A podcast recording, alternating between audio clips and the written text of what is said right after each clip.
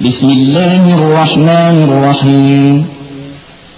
الحمد لله الذي أنزل على عبده الكتاب ولم يجعل له عوجا.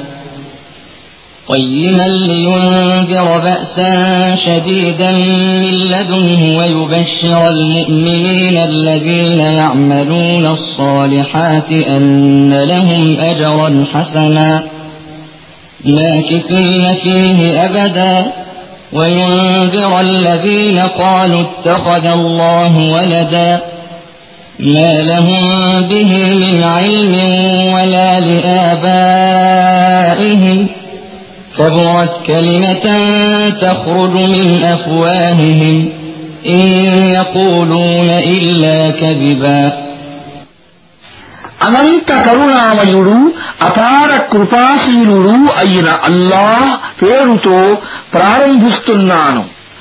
అల్లా మాత్రమే స్తుతింపదగినవాడు. ఆయన తన దాసునిపై ఈ గ్రంథాన్ని అవతరింపజేశాడు. అందులో ఏ విధమైన వక్రత్వాన్ని ఉంచలేదు. అది సూటిగా ఉన్నది ఉన్నట్లుగా ప్రకటించే గ్రంథం. దాని ద్వారా అతను దేవుని కఠిన శిక్షను గురించి ప్రజలను హెచ్చరించాలని విశ్వసించి సత్కార్యాలు చేసేవారికి మంచి ప్రతిఫలం లభిస్తుంది అనే శుభవార్తను.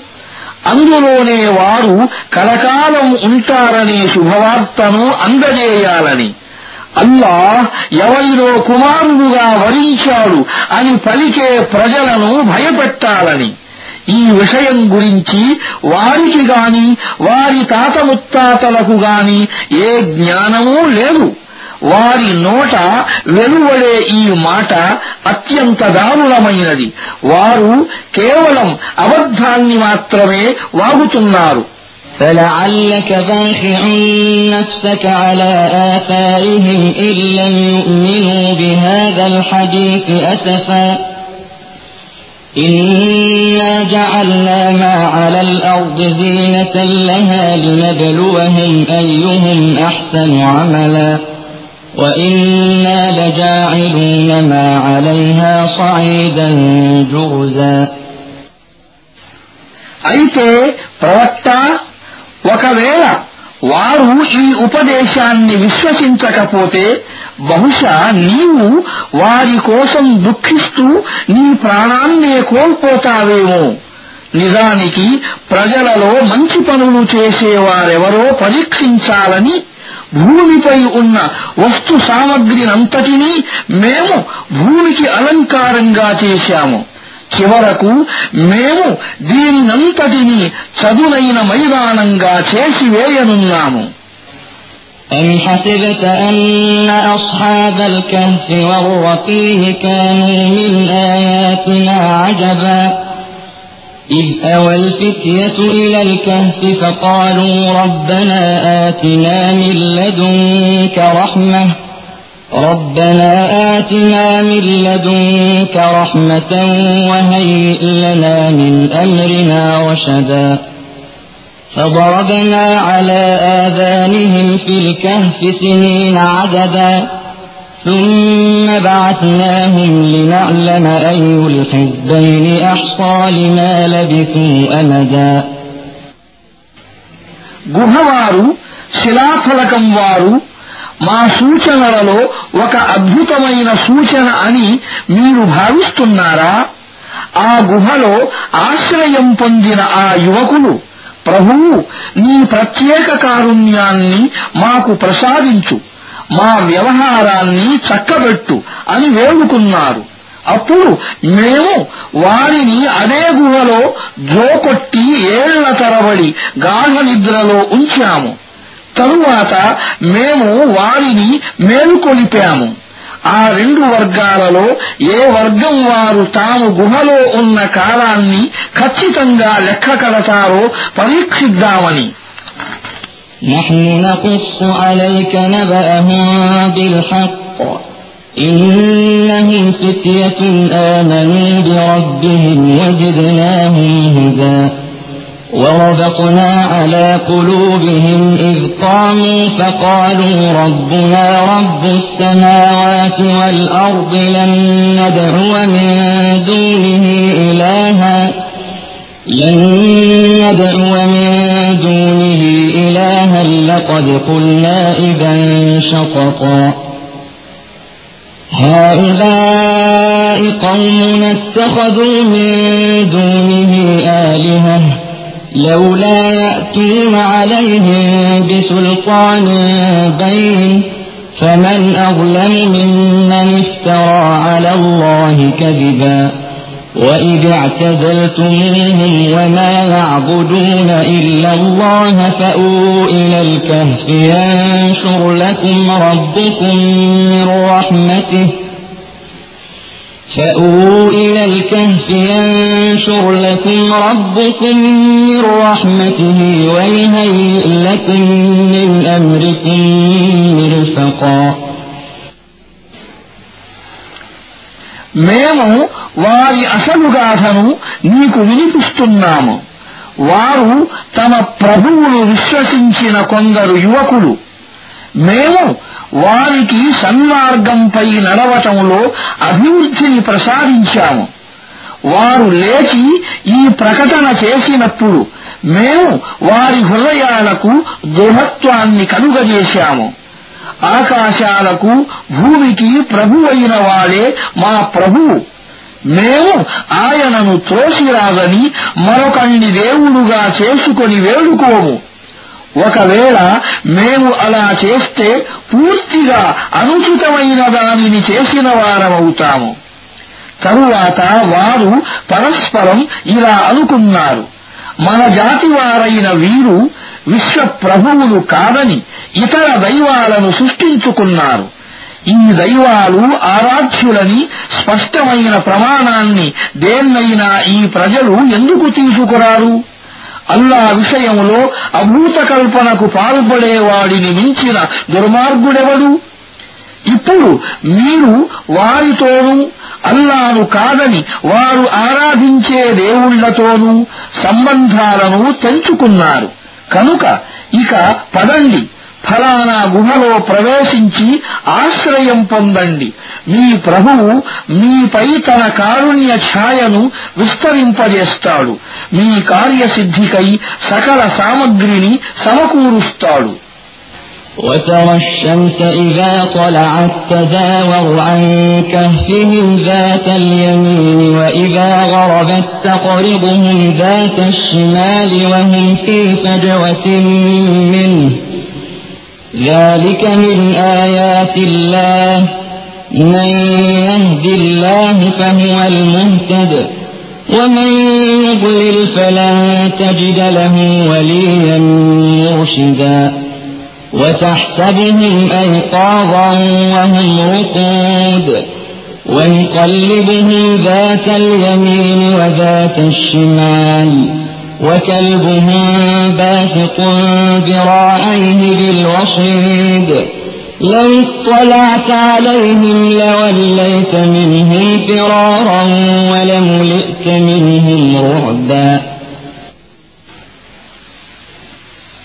వారిని నీవు గుహలో చూసినప్పుడు సూర్యుడు ఉదయించేటప్పుడు వారి గుహను తాకకుండా కుడి ప్రక్కగా పైకి పోయినట్లును అస్తమించేటప్పుడు వారికి దూరంగా ఎడమ ప్రక్కగా దిగిపోయినట్లును నీకు గోచరిస్తుంది. వారేమో గుహ లోపల ఒక సువిశాలమైన స్థలములో పడి ఉన్నారు. ఇది అల్లా సూచనలలో ఒక సూచన. అల్లా సన్మార్గం చూపినవాడే అసలు సన్మార్గం పొందేవాడు. అల్లా మార్గం తప్పించేవాడికి మార్గం చూపి సంరక్షించేవాణ్ణి నీవు పొందలేవు. వారిని నీవు చూచి వారు మేల్కొనే ఉన్నారని అనుకుంటావు. వాస్తవానికి వారు నిద్రపోతున్నారు. మేము వారిని కుడి ప్రక్కకు ఎడమ ప్రక్కకు దొరిలేలా మరలి పడుకునేలా చేసేవారము. వారి కుక్క గుహ ముఖద్వారం వద్ద ముందు కాళ్లను చాచి కూర్చుండి ఉండేది ఒకవేళ నీవు వారిని తొంగి చూస్తే వెనక్కి తిరిగి పారిపోతావు ఆ దృశ్యాన్ని చూసిన కారణంగా నీవు భయకంపితుడవు అవుతావు وكذلك بعثناهم ليتساءلوا بينهم قال قائل منهم كم لبثتم؟ قالوا لبثنا يوما أو بعض يوم. قالوا ربكم أعلم بما لبثتم فبعثوا أحدكم بورقكم هذه إلى المدينة فلينظر. فلينظر أيها أذكى طعاما فليأتكم برزق منه وليتلطف فليأتكم برزق منه وليتلطف ولا يشعرن بكم أحدا إنهم إن يظهروا عليكم يرجموكم أو يعيدوكم في ملتهم ولا تفلحوا إذا أبدا وكذلك أعثرنا عليهم ليعلموا أن وعد الله حق وأن الساعة لا ريب فيها وأن الساعة لا ريب فيها إذ يتنازعون بينهم أمرهم فقالوا ابنوا عليهم بنيانا ربهم أعلم بهم قال الذين غلبوا على أمرهم لنتخذن عليهم مسجدا మేము ఇదే అద్భుత మహిమ ద్వారా వారిని మేల్కొలిపి కూర్చోబెట్టాము. వారు పరస్పరం ప్రశ్నించుకోవాలని. వారిలో ఒకడు మనం ఈ స్థితిలో ఎంతకాలం ఉన్నాము? అని అడిగాడు. మిగతా వారు బహుశా ఒక రోజంతానో లేక దానికంటే కొంచెం తక్కువగానో ఉండి ఉంటాము అని అన్నారు. మళ్ళీ ఇలా అన్నారు వారంతా. అల్లాయే బాగా ఎరుగును. మనం ఈ స్థితిలో ఎంతకాలం గడిపాము?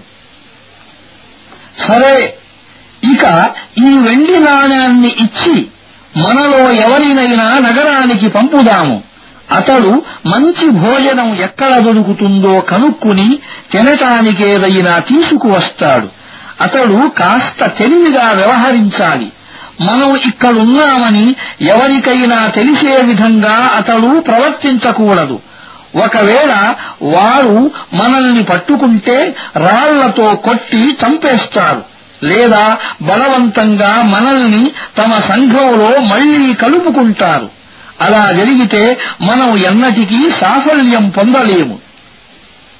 ఈ విధంగా మేము నగరవాసులకు వారి ఉనికిని గురించి తెలియజేశాము. అల్లా చేసిన వాగ్దానం సత్యమైనదని ప్రళయ సమయం నిస్సందేహంగా వచ్చి తీరుతుందని ప్రజలు తెలుసుకోవాలని. అప్పుడు వారు అసలు ఆలోచించవలసినది పై విషయం గురించి. కాని ప్రజలు వారితో ఎలా వ్యవహరించాలి అనే విషయం గురించి పరస్పరం వాదులాడుకుంటున్నారు. కొందరు వారి మీద ఒక గోడ కట్టండి. వారి ప్రభువుకే వారి వ్యవహారం గురించి బాగా తెలుసు అని అన్నారు. కాని ఈ వ్యవహారంలో పైచేయిగా ఉన్నవారు మేము వారి మీద ఒక ఆరాధనా మందిరాన్ని నిర్మిస్తాము అని అన్నారు.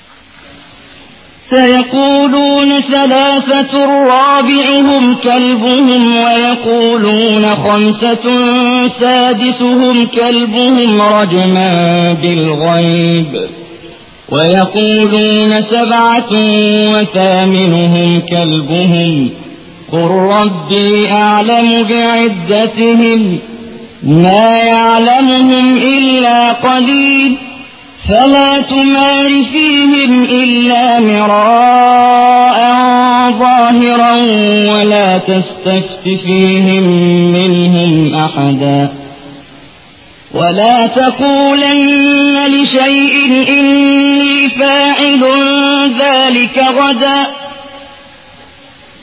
ولا تقولن لشيء إني فاعل ذلك غدا إلا أن يشاء الله. واذكر ربك إذا نسيت وقل عسى أن يهديني ربي لأقرب من هذا رشدا. ولبثوا في كهفهم ثلاثمائة سنين وازدادوا تسعا. قل الله أعلم بما لبثوا. له غيب السماوات والأرض. أبصر به وأسمع. ما لهم من دونه من ولي. ولا يشرك في حكمه أحدا.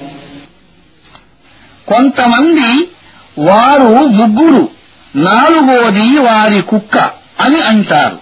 మరికొందరు వారు ఐదుగురు ఆరోది వారి కుక్క అని అంటారు. వారందరూ కేవలం అర్ధరహితంగా వాగుతున్నారు. ఇంకా కొందరు వారు ఏడుగురు ఎనిమిదోది వారి కుక్క అని కూడా అంటారు.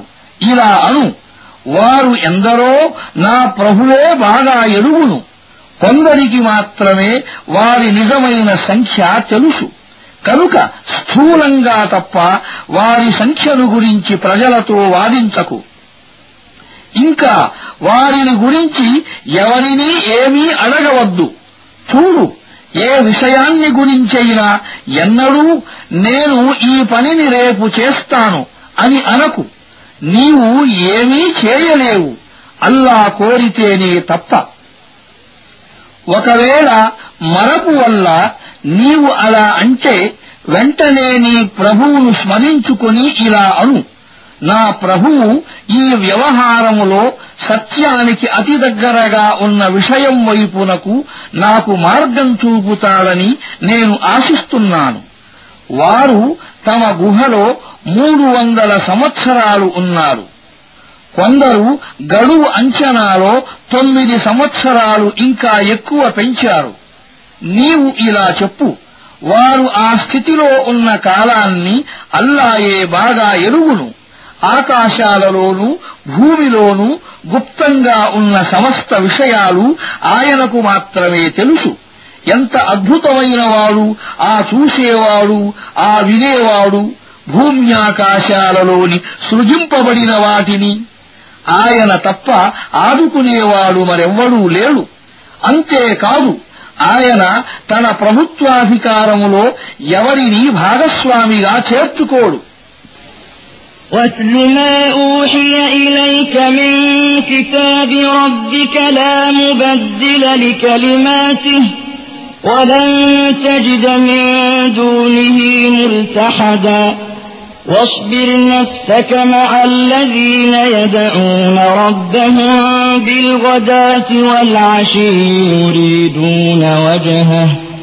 ولا تعد عيناك عنهم تريد زينة الحياة الدنيا. ولا تطع من أغفلنا قلبه عن ذكرنا واتبع هواه وكان أمره فرطا وقل الحق من ربكم فمن شاء فليؤمن ومن شاء فليكفر. إنا أعتدنا للظالمين نارا أحاط بهم سرادقها وإن يستغيثوا يغاثوا بماء كالمهل يشوي الوجوه. بئس الشراب وساءت مرتفقا. إن الذين آمنوا وعملوا الصالحات إنا لا نضيع أجر من أحسن عملا. أولئك لهم جنات عدن تجري من تحتهم الأنهار يحلون فيها من أساور يحلون فيها من أساور من ذهب ويلبسون ثيابا خضرا من سندس واستبرق ويلبسون ثيابا خضرا من سندس واستبرق متكئين فيها على الأرائك نعم الثواب وحسنت مرتفقا ప్రవక్త నీ ప్రభువు గ్రంథం నుండి నీపై అవతరింపజేయబడిన దానిని యథాతథంగా వినిపించు. ఆయన ప్రవచనాలను మార్చే అధికారం ఎవరికీ లేదు. ఒకవేళ ఎవరి కోసమైనా నీవు అందులో మార్పులు చేర్పులు చేసినట్లయితే ఆయనను తప్పించుకొని పారిపోయి నీవు ఏ ఆశ్రయాన్ని పొందలేవు. తమ ప్రభువు ప్రసన్నతను అర్థిస్తూ ఎవరు ఉదయం సాయంత్రం ఆయనను వేడుకుంటారో వారి సాహచర్యం పట్ల నీ హృదయాన్ని సంతృప్తిపరచుకో. వారి నుండి నీ దృష్టిని ఏమాత్రం మరల్చకు. నీవు ఇహలోకపు మెరుగులను కోరుకుంటావా? ఎవని మనస్సును మేము మా ధ్యానం పట్ల శ్రద్ధ లేకుండా చేశామో ఎవరు తన వాంఛలకు అనుగుణంగా వర్తించాడో ఎవరి పనితీరు అతివాదంపై ఆధారపడి ఉంటుందో అటువంటి వ్యక్తి పట్ల విధేయత చూపకు. స్పష్టంగా ఇలా ప్రకటించు. ఇది సత్యం. మీ ప్రభువు నుండి వచ్చింది. ఇష్టమైన వారు దానిని స్వీకరించనూవచ్చు ఇష్టం కాని వారు దానిని తిరస్కరించనూవచ్చు మేము సత్యాన్ని తిరస్కరించే దుర్మార్గుల కొరకు ఒక అగ్నిని సిద్ధపరచి ఉంచాము. దాని జ్వాలలు వారిని చుట్టుముట్టుతాయి. అక్కడ వారు గనక మంచినీళ్ళు అడిగితే నూనె మడ్డిలాంటి నీటితో వారిని సత్కరించటం జరుగుతుంది. అది వారి ముఖాలను మారుస్తుంది. అది ఎంత జుగుప్సాకరమైన పానీయం! అది ఎంత నికృష్టమైన విశ్రాంతి స్థలం? ఇక విశ్వసించి సత్కార్యాలు చేసేవారి విషయం. మేము నిశ్చయంగా వారి ప్రతిఫలాన్ని వృధా చేయము. వారికై నిత్య హరితవనాలు ఉన్నాయి. వాటి క్రింద కాలువలు ప్రవహిస్తూ ఉంటాయి. అక్కడ వారు బంగారు కంకణాలను ధరిస్తారు. ఆకుపచ్చని సన్నని జలతారు పట్టు వస్త్రాలను ధరిస్తారు ఎత్తైన ఆసనాలపై దిండ్లకు ఆనుకుని ఆసీనులై ఉంటారు అది ఎంత శ్రేష్టమైన ప్రతిఫలం అది ఎంత మహోన్నతమైన నివాస స్థలం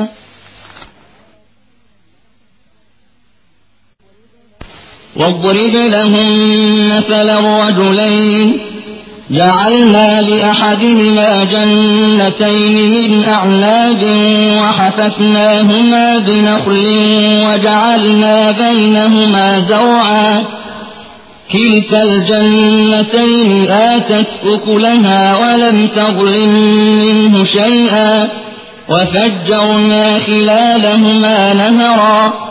وكان له ثمر فقال لصاحبه وهو يحاوره أنا أكثر منك مالا وأعز نفرا. ودخل جنته وهو ظالم لنفسه قال ما أظن أن تبيد هذه أبدا.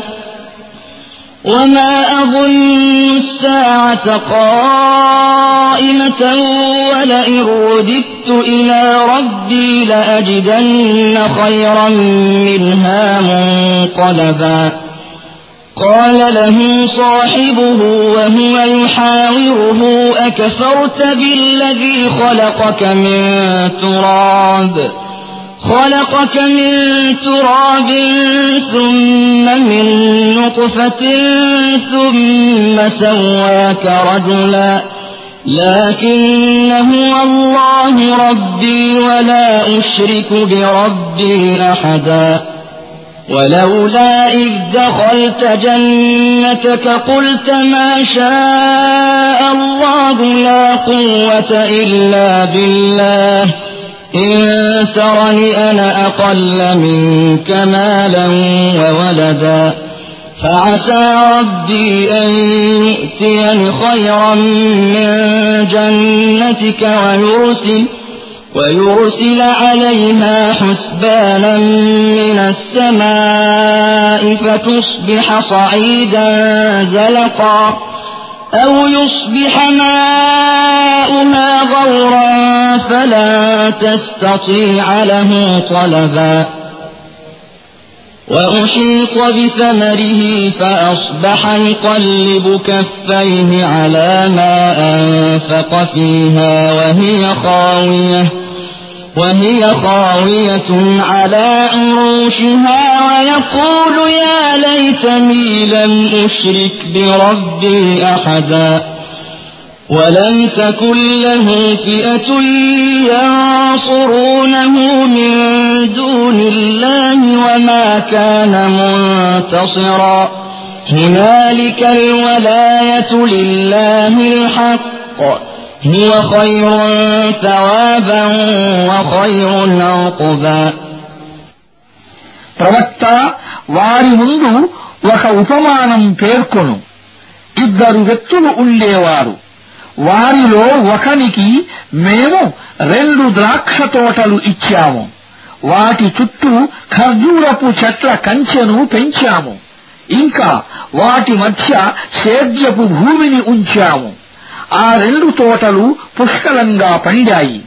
పండటంలో అవి ఎంతమాత్రమూ కొరత చూపలేదు. ఆ తోటల మధ్య ఒక కాలువను ప్రవహింపజేశాము. యజమానికి మంచి లాభాలు వచ్చాయి. ఇదంతా పొంది కూడా అతను ఒకనాడు తన పొరుగు మిత్రునితో మాట్లాడుతూ ఇలా అన్నాడు. నేను నీకంటే ఎక్కువ ధనం కలవాణ్ణి. ఎక్కువ బలవంతులైన జనం కలవాణ్ణి. తరువాత అతడు తన స్వర్గంలో ప్రవేశించాడు. తన ఆత్మకు అన్యాయం చేసుకున్నవాడై ఇలా ప్రకటించాడు. ఎన్నటికైనా ఈ సంపద నశిస్తుందని నేను భావించటం లేదు. ఎప్పటికైనా ప్రళయ ఘడియ వస్తుందనే నమ్మకం కూడా నాకు లేదు. అయినప్పటికీ ఒకవేళ ఎప్పుడైనా నేను నా ప్రభువు సన్నిధికి మరలింపబడినట్లయితే తప్పకుండా దీనికంటే మహోజ్వలమైన స్థానాన్ని పొందుతాను. అప్పుడు అతని పొరుగువాడు మాట్లాడుతూ అతనితో ఇలా అన్నాడు నిన్ను మట్టితోనూ తరువాత వీర్య బిందువుతోనూ పుట్టించి ఒక సంపూర్ణ మానవునిగా తీర్చిదిద్దిన ఆయనను నీవు తిరస్కరిస్తున్నావా? ఇక నా విషయం నా ప్రభువైతే అల్లాయే. నేను ఎవరినీ ఆయనకు భాగస్వామిగా చేయను.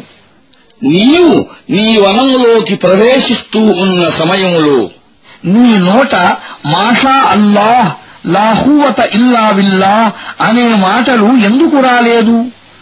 ఒకవేళ నీవు నన్ను సంపదలో సంతానంలో నీకంటే తక్కువ వాడిగా చూస్తూ ఉన్నప్పటికీ నా ప్రభువు నీ స్వర్గం కంటే ఉత్తమమైన దానిని నాకు ప్రసాదించటము నీ స్వర్గం మీదకు ఆకాశం నుండి ఏదైనా ఆపదలు పంపించటము ఆ కారణంగా అది చదువైన మైదానంగా మారిపోవటము లేదా దాని నీరు భూమిలో ఇంకిపోవటము తరువాత నీవు దానిని ఏ విధంగానూ తిరిగి పొందలేకపోవటము అనేది అసంభవమేమీ కాదు.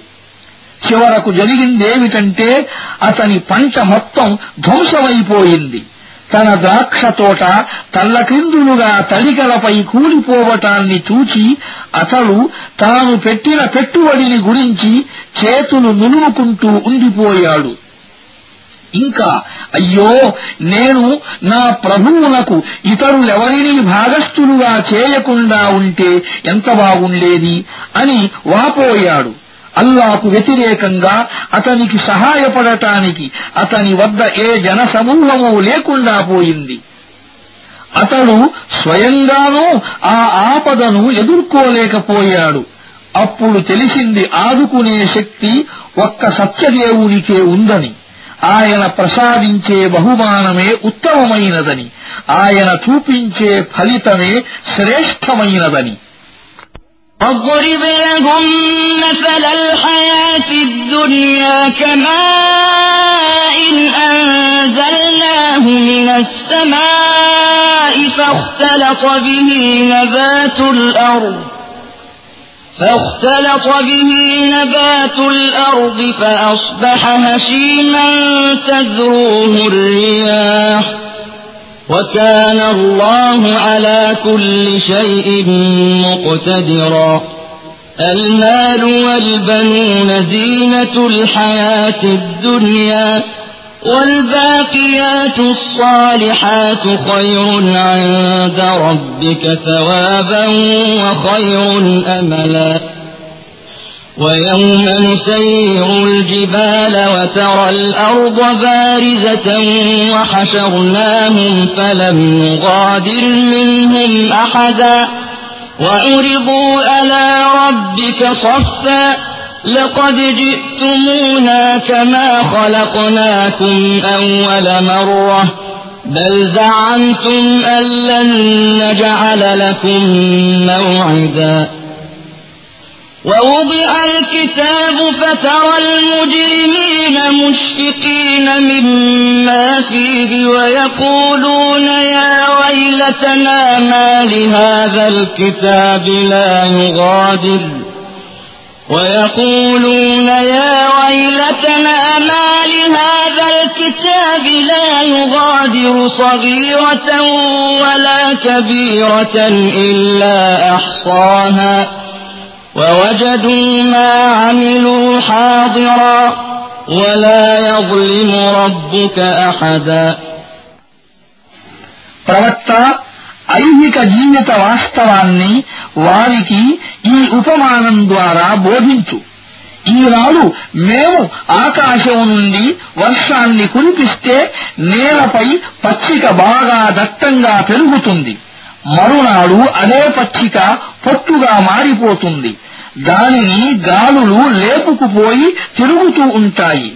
అల్లాహ్ ప్రతి దానిపై అధికారం కలవాడు.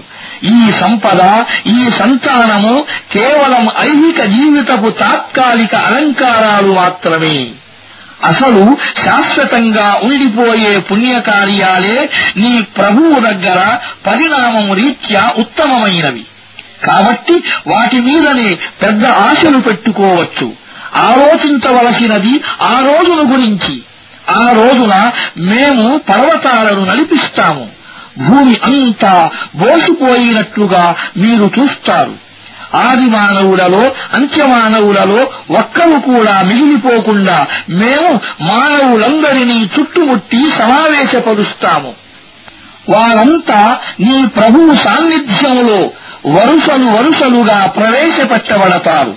ఇదిగో చూడండి మేము మిమ్మల్ని మొదటిసారి పుట్టించిన స్థితిలోనే మీరు మా వద్దకు వచ్చేశారు కదా. మాతో సమావేశమయ్యే కాలాన్ని దేనిని మేము మీ కొరకు నిర్ణయించనే లేదని మీరు భ్రమపడ్డారు. అప్పుడు కర్మల పత్రం వారి ముందు ఉంచబడుతుంది. ఆ సమయంలో అపరాధులు తమ జీవిత గ్రంథంలో నమోదు చేయబడిన విషయాలకు భయపడుతూ ఉండటాన్ని నీవు చూస్తావు. వారు అయ్యో మా దౌర్భాగ్యం! ఇదేమి గ్రంథం? మేము చేసిన చిన్న పని గాని పెద్ద పని గాని ఏదీ ఈ గ్రంథంలో నమోదు చేయబడకుండా ఉండలేదే అని అంటూ ఉంటారు. వారు ఏమేమి చేశారో అదంతా తమ ముందు ప్రత్యక్షం కావటాన్ని చూస్తారు. నీ ప్రభువు ఎవరికీ ఏమాత్రము అన్యాయం చేయడు وإذ قلنا للملائكة اسجدوا لآدم فسجدوا إلا إبليس كان من الجن ففسق عن أمر ربه أفتتخذونه وذريته أولياء من دوني وهم لكم عدو. بئس للظالمين بدلا. ما أشهدتهم خلق السماوات والأرض ولا خلق أنفسهم وما كنت متخذ المضلين عضدا. ఈ విషయాన్ని జ్ఞాపకం తెచ్చుకో. ఆదంకు సజదా చేయమని మేము దైవదూతలతో అన్నప్పుడు వారు అతనికి సజదా చేశారు. కాని ఇబులీసు చేయలేదు. అతడు జిన్నాతులలోని వాడు. కనుకనే తన ప్రభువు ఆజ్ఞను ఉల్లంఘించటానికి ఒడిగట్టాడు. మీరు నన్ను కాదని వారు వారి సంతతి మీకు శత్రువులైనప్పటికీ మీరు వారిని మీకు సంరక్షకులుగా చేసుకుంటారా? ఈ దుర్మార్గులు ఎంత చెడ్డ ప్రత్యామ్నాయాన్ని వరిస్తున్నారు? నేను ఆకాశాన్ని భూమిని సృష్టించేటప్పుడు వారిని ఆహ్వానించలేదు. స్వయంగా వారిని సృష్టించేటప్పుడు సైతం వారిని నాకు భాగస్వాములుగా చేసుకోలేదు.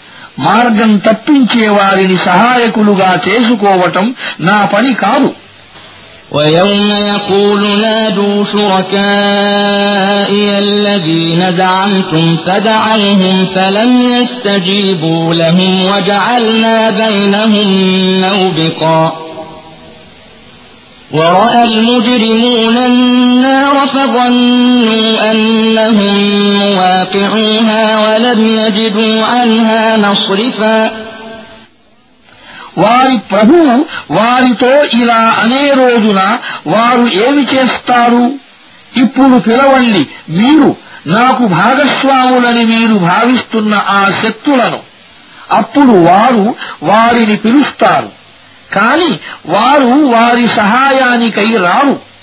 మేము వారికి ఒకే వినాశగుండాన్ని ఏర్పాటు చేస్తాము. అపరాధులందరూ ఆ రోజున అగ్నిని చూస్తారు.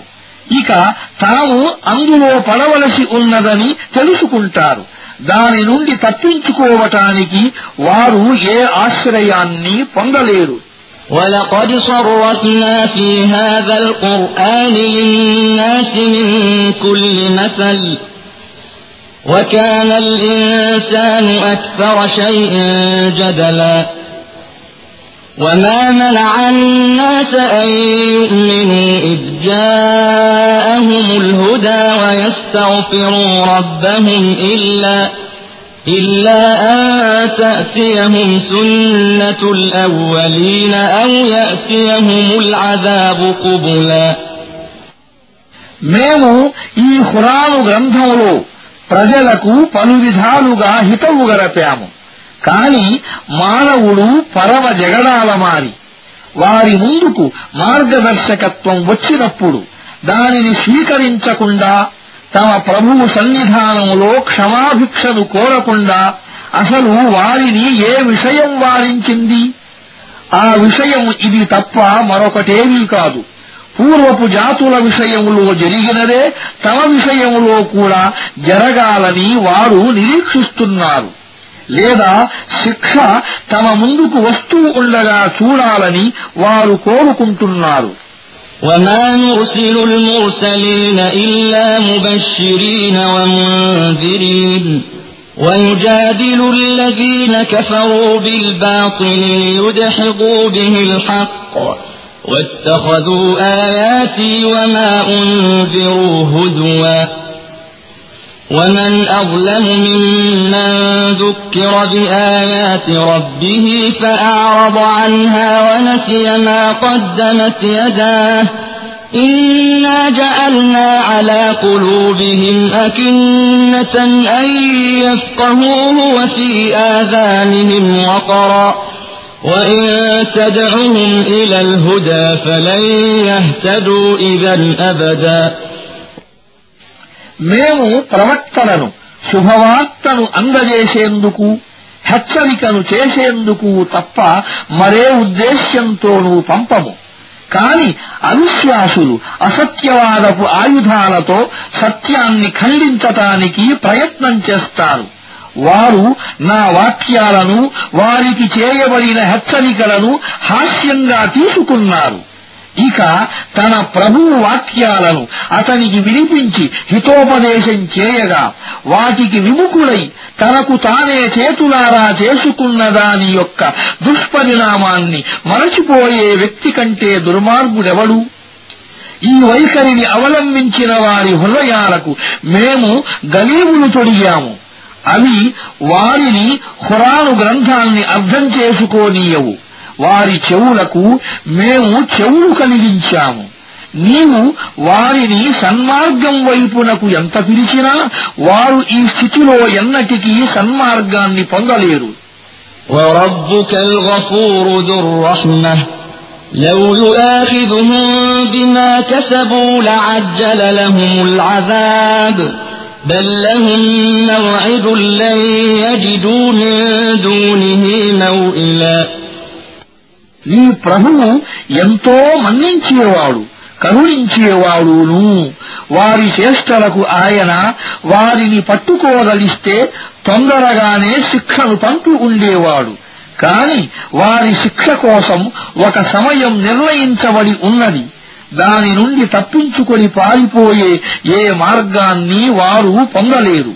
وتلك القرى أهلكناهم لما ظلموا وجعلنا لمهلكهم موعدا శిక్షకు గురి అయిన ఈ పట్టణాలు మీ ఎదుట ఉన్నాయి వారు దుర్మార్గం చేయగా మేము వారిని నాశనం చేశాము వారిలోని ప్రతి ఒక్కరి వినాశానికి మేము సమయం నిర్ణయం చేసి ఉంచాము وإذ قال موسى لفتاه لا أبرح حتى أبلغ مجمع البحرين أو أمضي حقبا فلما بلغا مجمع بينهما نسيا حوتهما فاتخذ سبيله في البحر سربا فلما جاوزا قال لفتاه آتنا غداءنا لقد لقينا من سفرنا هذا نصبا.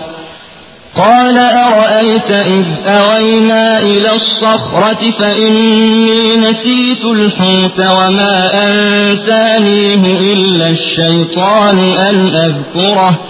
واتخذ سبيله في البحر عجبا. قال ذلك ما كنا نبغ فارتدا على آثارهما قصصا فوجدا عبدا من عبادنا آتيناه رحمة من عندنا وعلمناه من لدنا علما మూసాకు సంబంధించిన గాథను వారికి వినిపించు అప్పుడు మూస తన సేవకునితో ఇలా అన్నాడు రెండు నదుల సంగమ స్థలానికి చేరనంత వరకు నేను నా ప్రయాణాన్ని ఆపను. లేకపోతే నేను సుదీర్ఘకాలం నడుస్తూనే ఉంటాను. తరువాత వారు వాటి సంగమ ప్రదేశానికి చేరినప్పుడు తమ చేప విషయంలో అశ్రద్ధ వహించారు. అది నదిలోకి స్వరంగం గుండా పోయినట్లు దూసుకుపోయింది ముందుకు పోయిన తరువాత మూస తన సేవకునితో ఇలా అన్నాడు మా ఉదయపు ఆహారం తీసుకురా. ఈనాటి ప్రయాణములో మేము బాగా అలసిపోయాము. సేవకుడు ఇలా అన్నాడు చూశారా ఏమైందో? మనం ఆ రాయి వద్ద విశ్రాంతికై ఆగి ఉన్న సమయంలో నాకు చేప విషయమే జ్ఞాపకం లేకుండా పోయింది. సైతాను నన్ను ఏమరుపాటుకు గురి చేశాడు. నేను దాని ప్రస్తావనను మీతో చెయ్యటం మరచిపోయాను. చేప విచిత్రమైన రీతిలో బయటపడి నదిలోకి వెళ్ళిపోయింది మూస మనం అన్వేషిస్తూ వచ్చినది దీని కొరకే కదా అని అన్నాడు. కనుక వారు ఉభయులు తమ అడుగుజాడలలో వెనక్కి తిరిగి వెళ్ళారు అక్కడ వారు మా దాసులలోని ఒక దాసుని కనుగొన్నారు. మేము అతనికి మా కారుణ్యాన్ని ప్రసాదించాము. మా తరఫు నుండి ఒక ప్రత్యేక జ్ఞానాన్ని ప్రసాదించాము. قال له موسى هل أتبعك على أن تعلمني مما علمت رشدا؟ قال إنك لن تستطيع معي صبرا وكيف تصبر على ما لم تحط به خبرا؟ قال ستجدني إن شاء الله صابرا ولا أعصي لك أمرا. قال فإن اتبعتني فلا تسألني عن شيء حتى أحدث لك منه ذكرا మూసా అతనితో ఇలా అన్నాడు మీరు నేర్చుకున్న వివేకాన్ని మీరు నాకు కూడా బోధించేందుకు నేను మీ వెంట ఉండవచ్చా అతను ఇలా అన్నాడు మీరు నా విషయంలో సహనంతో వ్యవహరించలేరు అసలు మీకు తెలియని విషయాన్ని గురించి సహనం చూపటం మీకు ఎలా సాధ్యం? మూస ఇలా జవాబు పలికాడు. ఇన్షా అల్లాహ్ మీరు నన్ను సహనశీలునిగా చూస్తారు. ఏ వ్యవహారములోనూ నేను మీకు అవిధేయత చూపను. అతను ఇలా అన్నాడు. మంచిది ఒకవేళ మీరు నాతో రాదలిస్తే స్వయంగా నేను మీతో ప్రస్తావించే వరకు నన్ను ఏ విషయమూ అడగకండి فانطلقا حتى إذا ركبا في السفينة خرقها قال أخرقتها لتغرق أهلها لقد جئت شيئا إمرا قال ألم أقل إنك لن تستطيع معي صبرا قال لا تؤاخذني بما نسيت ولا ترهقني من أمري عسرا అప్పుడు వారు ఉభయులు బయలుదేరారు చివరకు వారు ఒక పడవ ఎక్కినప్పుడు ఆ వ్యక్తి పడవకు రంధ్రం చేశాడు మూస అప్పుడు ఇలా అన్నాడు పడవలో ఉన్న వారందరినీ ముంచటానిక మీరు దానికి రంధ్రం చేశారు. మీరు చేసినది దారుణమైన పని అతను ఇలా పలికాడు మీరు నా పట్ల సహనం చూపలేరని నేను మీకు చెప్పలేదా?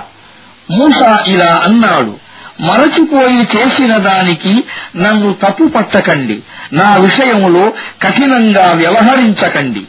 فانطلقا حتى إذا لقيا غلاما فقتله قال أقتلت نفسا زكية بغير نفس لقد جئت شيئا نكرا తరువాత వారు ప్రయాణాన్ని సాగించారు చివరకు వారిని ఒక బాలుడు కలిశాడు ఆ వ్యక్తి అతనిని చంపివేశాడు మూస ఇలా అన్నాడు మీరు ఒక అమాయకుని ప్రాణాన్ని తీశారు వాస్తవానికి అతడు ఎవరినీ హత్య చేయలేదు కదా మీరు చేసిన పని చాలా చెడ్డది بسم الله الرحمن الرحيم قال ألم أقل لك إنك لن تستطيع معي صبرا قال إن سألتك عن شيء بعدها فلا تصاحبني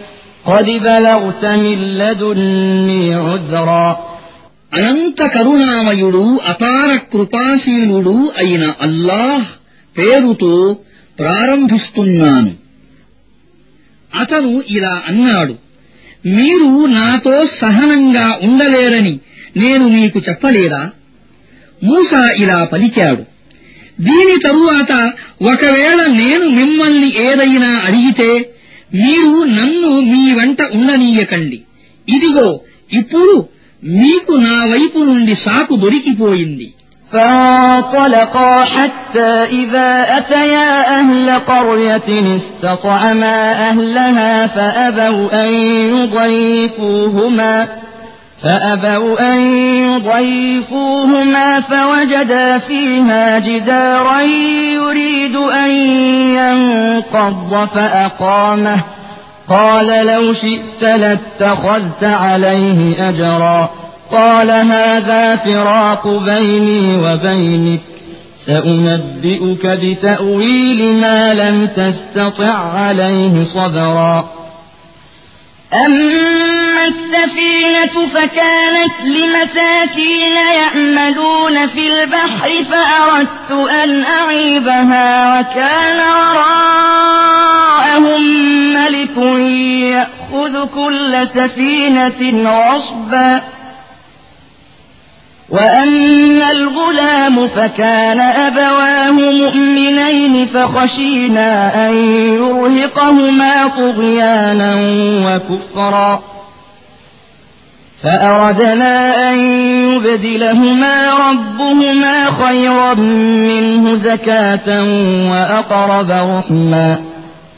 وأما الجدار فكان لغلامين يتيمين في المدينة وكان تحته كنز لهما وكان أبوهما صالحا وكان أبوهما صالحا فأراد ربك أن يبلغا أشدهما ويستخرجا كنزهما رحمة من ربك وما فعلته عن أمري ذلك تأويل ما لم تسطع عليه صبرا తరువాత వారు ముందుకు సాగిపోయారు చివరకు ఒక పట్టణానికి చేరుకున్నారు అక్కడి ప్రజలను అన్నం పెట్టమని అభ్యర్థించారు కాని వారు వీరిద్దరికీ ఆతిథ్యమీయటానికి తిరస్కరించారు అక్కడ వారు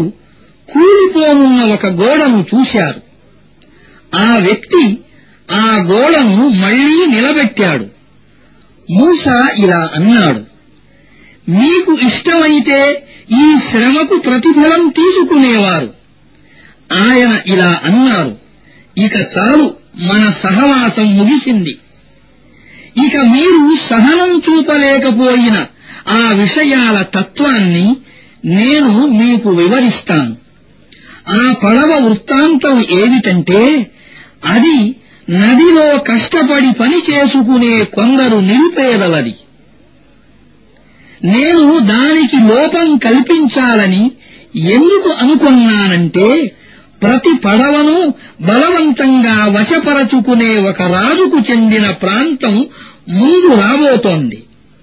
ఇక ఆ బాలుని విషయం. అతని తల్లిదండ్రులు విశ్వాసులు. అతడు తన తలబిరుసుతనం వల్ల తన అవిశ్వాసం వల్ల వారిని వేధిస్తాడనే భయం మాకు కలిగింది.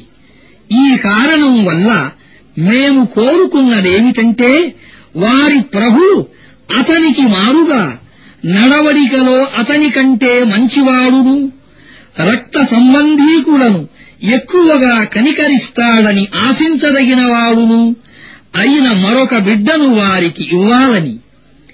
ఇక గోడ విషయం ఏమిటంటే అది ఈ పట్టణంలోనే నివసిస్తున్న ఇద్దరు అనాథ బాలురిది ఆ గోడ క్రింద ఈ బాలుర కోసం ఒక నిధి పాతిపెట్టబడి ఉన్నది. వారి తండ్రి చాలా మంచివాడు.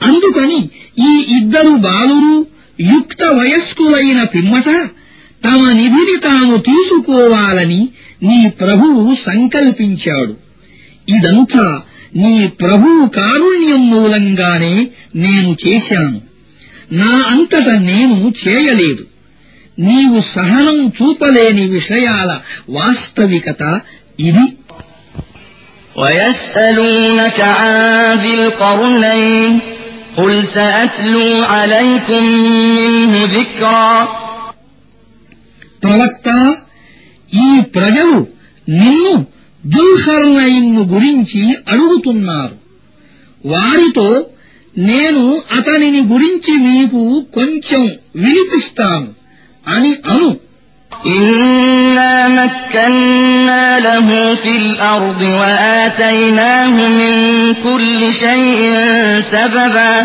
فأتبع سببا حتى إذا بلغ مغرب الشمس وجدها تغرب في عين حمئة ووجد عندها قوما. قلنا يا ذا القرنين إما أن تعذب وإما أن تتخذ فيهم حسنا. قال أما من ظلم فسوف نعذبه ثم يرد إلى ربه فيعذبه عذابا نكرا. وأما من آمن وعمل صالحا فله جزاء الحسنى وسنقول له من أمرنا يسرا. మేము అతనికి ధరణిలో అధికారాన్ని ప్రసాదించాము. అతనికి అన్ని రకాల సాధనాలను వనరులను ఇచ్చాము. అతను మొదట పశ్చిమ దిశకు దండయాత్ర చేయటానికి సన్నాహాలు చేశాడు. చివరకు అతను సూర్యుడు అస్తమించే హద్దుకు చేరినప్పుడు నల్లని నీటిలో సూర్యుడు మునుగుతూ ఉండగా అతను చూశాడు. అక్కడ అతనికి ఒక జాతి ప్రజలు కనిపించారు. అప్పుడు మేము ఇలా అన్నాము దుల్హర్నైన్ ఆ జాతి ప్రజలను శిక్షించటానికి గాని వారి పట్ల ఉదార వైఖరిని అవలంబించటానికి గాని నీకు అధికారం ఉన్నది. అతను ఇలా అన్నాడు. వారిలో దౌర్జన్యం చేసేవాడిని మేము శిక్షిస్తాము. ఆపై అతడు తన ప్రభువు వైపునకు మరలింపబడతాడు. అప్పుడు ఆయన అతనికి మరింత తీవ్రమైన శిక్ష విధిస్తాడు. వారిలో విశ్వసించిన వాడికి సత్కార్యాలు చేసేవాడికి మంచి ప్రతిఫలం లభిస్తుంది. అంతేకాదు మేము అతనికి తేలికపాటి ఆజ్ఞలను ఇస్తాము ثم أتبع سببا حتى إذا بلغ مطلع الشمس وجدها تطلع على قوم لم نجعل لهم من دونها سترا كذلك وقد أحطنا بما لديه خبرا తరువాత అతను మరొక దండయాత్ర కోసం సన్నాహాలు చేశాడు చివరకు అతను సూర్యుడు ఉదయించే హద్దు వరకు పోయాడు అక్కడ అతను ఒక జాతిపై సూర్యుడు ఉదయించటం చూశాడు దానికోసం మేము ఎండ నుండి రక్షణ పొందే ఏర్పాటు ఏదీ చేయలేదు ఇది వారి స్థితి జుల్హర్నైన్ వద్ద ఉన్నది ఏమిటో మాకు తెలుసు ثم أتبع سببا حتى إذا بلغ بين السدين وجد من دونهما قوما لا يكادون يفقهون قولا. قالوا يا ذا القرنين إن يأجوج ومأجوج مفسدون في الأرض فهل نجعل لك خرجا؟ فهل نجعل لك خرجا على أن تجعل بيننا وبينهم سدا؟ قال ما مكني فيه ربي خير فأعينوني بقوة أجعل بينكم وبينهم ردما. آتوني زبر الحديد. حتى إذا ساوى بين الصدفين قال انفخوا. حتى إذا جعله نارا قال آتوني أفرغ عليه قطرا فما استطاعوا أن يظهروه وما استطاعوا له نقبا. قال هذا رحمة من ربي. فإذا جاء وعد ربي جعله دكا وكان وعد ربي حقا తరువాత అతను మరొక దండయాత్రకు సన్నాహాలు చేశాడు చివరకు అతను రెండు పర్వతాల మధ్యకు చేరినప్పుడు అక్కడ అతనికి ఒక జాతి కనిపించింది ఆ జాతి ఏ విషయాన్నైనా అతి కష్టం మీద కాని అర్థం చేసుకోలేదు. వారు ఇలా అన్నారు. దుల్హర్నైన్ యాజూజ్ మాజూజులు ఈ భూభాగంలో కల్లోలాన్ని వ్యాపింపజేస్తున్నారు. కనుక నీవు మాకు వారికి మధ్య అడ్డంగా ఒక గోడను నిర్మించు. అందుకు మేము నీకు ఏదైనా సుంకం చెల్లించాలా? అప్పుడు అతను ఇలా అన్నాడు నా ప్రభువు నాకు ఇచ్చినదే నాకు చాలు. మీరు మటుకు శ్రమ ద్వారా నాకు సహాయపడండి. నేను మీకు వారికి మధ్య అడ్డంగా గోడ కడతాను. నాకు ఇనుప రేకులను తెచ్చి ఇవ్వండి. చివరకు ఆ రెండు పర్వతాల మధ్య ఉన్న ఖాళీ స్థలాన్ని అతను పూడ్చివేసి ప్రజలతో ఇక మంటను రగిలించండి అని అన్నాడు. తరువాత ఆ ఇనుప గోడను పూర్తిగా నిప్పు మాదిరిగా ఎర్రగా చేసి అతను ఇక కరిగిన రాగిని తీసుకురండి దీనిపై కుమ్మరిస్తాను అని అన్నాడు.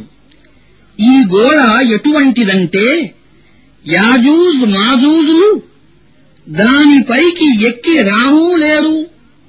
దానికి కన్నం వేయటం వారికి ఇంకా కష్టతరం దుల్హర్ నైన్ ఇలా అన్నాడు ఇది నా ప్రభువు కరుణ కాని నా ప్రభువు యొక్క వాగ్దాన సమయం ఆసన్నమైనప్పుడు ఆయన దానిని నేలమట్టం చేస్తాడు నా ప్రభువు వాగ్దానం నిజమైనది وتركنا بعضهم يومئذ يموج في بعض ونفخ في الصور فجمعناهم جمعا وعرضنا جهنم يومئذ للكافرين عرضا الذين كانت أعينهم في غطاء عن ذكري وكانوا لا يستطيعون سمعا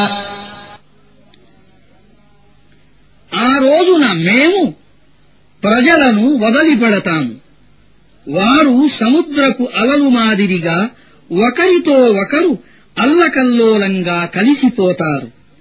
బాక ఊదబడుతుంది. మేము మానవులను అందరినీ ఒకేసారి సమావేశపరుస్తాము. ఆ రోజున మేము నరకాన్ని అవిశ్వాసుల ముందుకు తీసుకువస్తాము.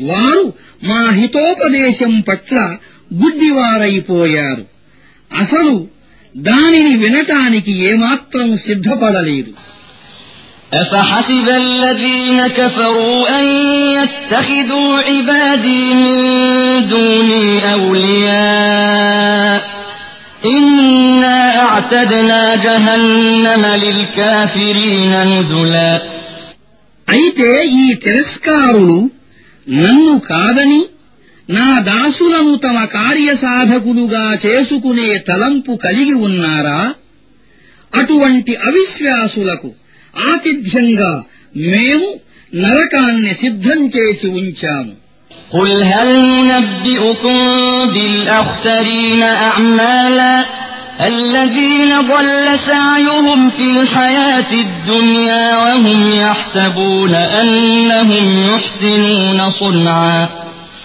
أولئك الذين كفروا بآيات ربهم ولقائه فحبطت أعمالهم فلا نقيم لهم يوم القيامة وزنا. ذلك جزاؤهم جهنم بما كفروا واتخذوا آياتي ورسلي هزوا. إن الذين آمنوا وعملوا الصالحات كانت لهم جنات الفردوس نزلا خالدين فيها لا يبغون عنها حولا ప్రవక్త వారితో ఇలా అను తాము చేసిన పనుల విషయంలో అందరికంటే ఎక్కువగా విఫలులయ్యేవారు ఎవరో నష్టపోయేవారెవరో మేము మీకు తెలుపమంటారా? వారెవరంటే ప్రాపంచిక జీవితంలో వారి ప్రయత్నాలు అన్నీ రుజుమార్గం నుండి వైదొలగి ఉంటాయి. అయినా వారు తాము చేసేదంతా సవ్యంగానే ఉందని భావిస్తారు. వారు తమ ప్రభు వాక్యాలను నమ్మకుండా తిరస్కరించినవారు. ఆయన సాన్నిధ్యంలో హాజరు కావలసి ఉన్నదనే విషయాన్ని విశ్వసించనివారు ఇందువల్ల వారి కర్మలన్నీ వృధా అయిపోయాయి. ప్రళయ దినము నాడు మేము వాటికి ఏమాత్రము విలువ నీయము. వారి ప్రతిఫలం నరకం వారు అవిశ్వాసానికి పాల్పడినందుకు బదులుగా వారు మా వాక్యాలను మా ప్రవక్తలను ఎగతాళి చేసిన దానికి ఫలితంగా. అయితే విశ్వసించి సత్కార్యాలు చేసిన వారికి ఆతిథ్యంగా ఫిరదౌసు ఉద్యానవనాలు ఉంటాయి. వాటిలో వారు కలకాలం ఉంటారు. ఆ స్థలాన్ని వదలి మరెక్కడికైనా పోవాలని వారి మనస్సు ఎన్నడూ కోరదు. قل لو كان البحر مدادا لكلمات ربي لنفد البحر قبل أن تنفد كلمات ربي لنفد البحر قبل أن تنفد كلمات ربي ولو جئنا بمثله مددا ప్రవక్త ఇలా ప్రకటించు ఒకవేళ నా ప్రభు మాటలు వ్రాయటానికి సముద్ర జలమే సిరా అయినా అది ఖాళీ అయిపోతుంది కాని నా ప్రభు మాటలు మాత్రం పూర్తి కావు అంతేకాదు మేము మళ్లీ ఇంతే సిరాను తెచ్చినా అది కూడా సరిపోదు قل إنما أنا بشر مثلكم يوحى إلي أنما إلهكم إله واحد فمن كان يرجو لقاء ربه فليعمل عملا صالحا فليعمل عملا صالحا ولا يشرك بعبادة ربه أحدا ప్రవక్త ఇలా చెప్పు నేను కేవలం ఒక మానవుణ్ణి మీలాంటి వాణ్ణి నాకు వహీ ద్వారా ఇలా తెలుపబడింది. మీ దైవం కేవలం ఒకే దైవం. కనుక తన ప్రభువును కలుసుకోవాలని ఆశించేవాడు సత్కార్యాలు చేయాలి. ఆరాధనలో తన ప్రభువుతో పాటు మరెవ్వరినీ చేర్చకూడదు.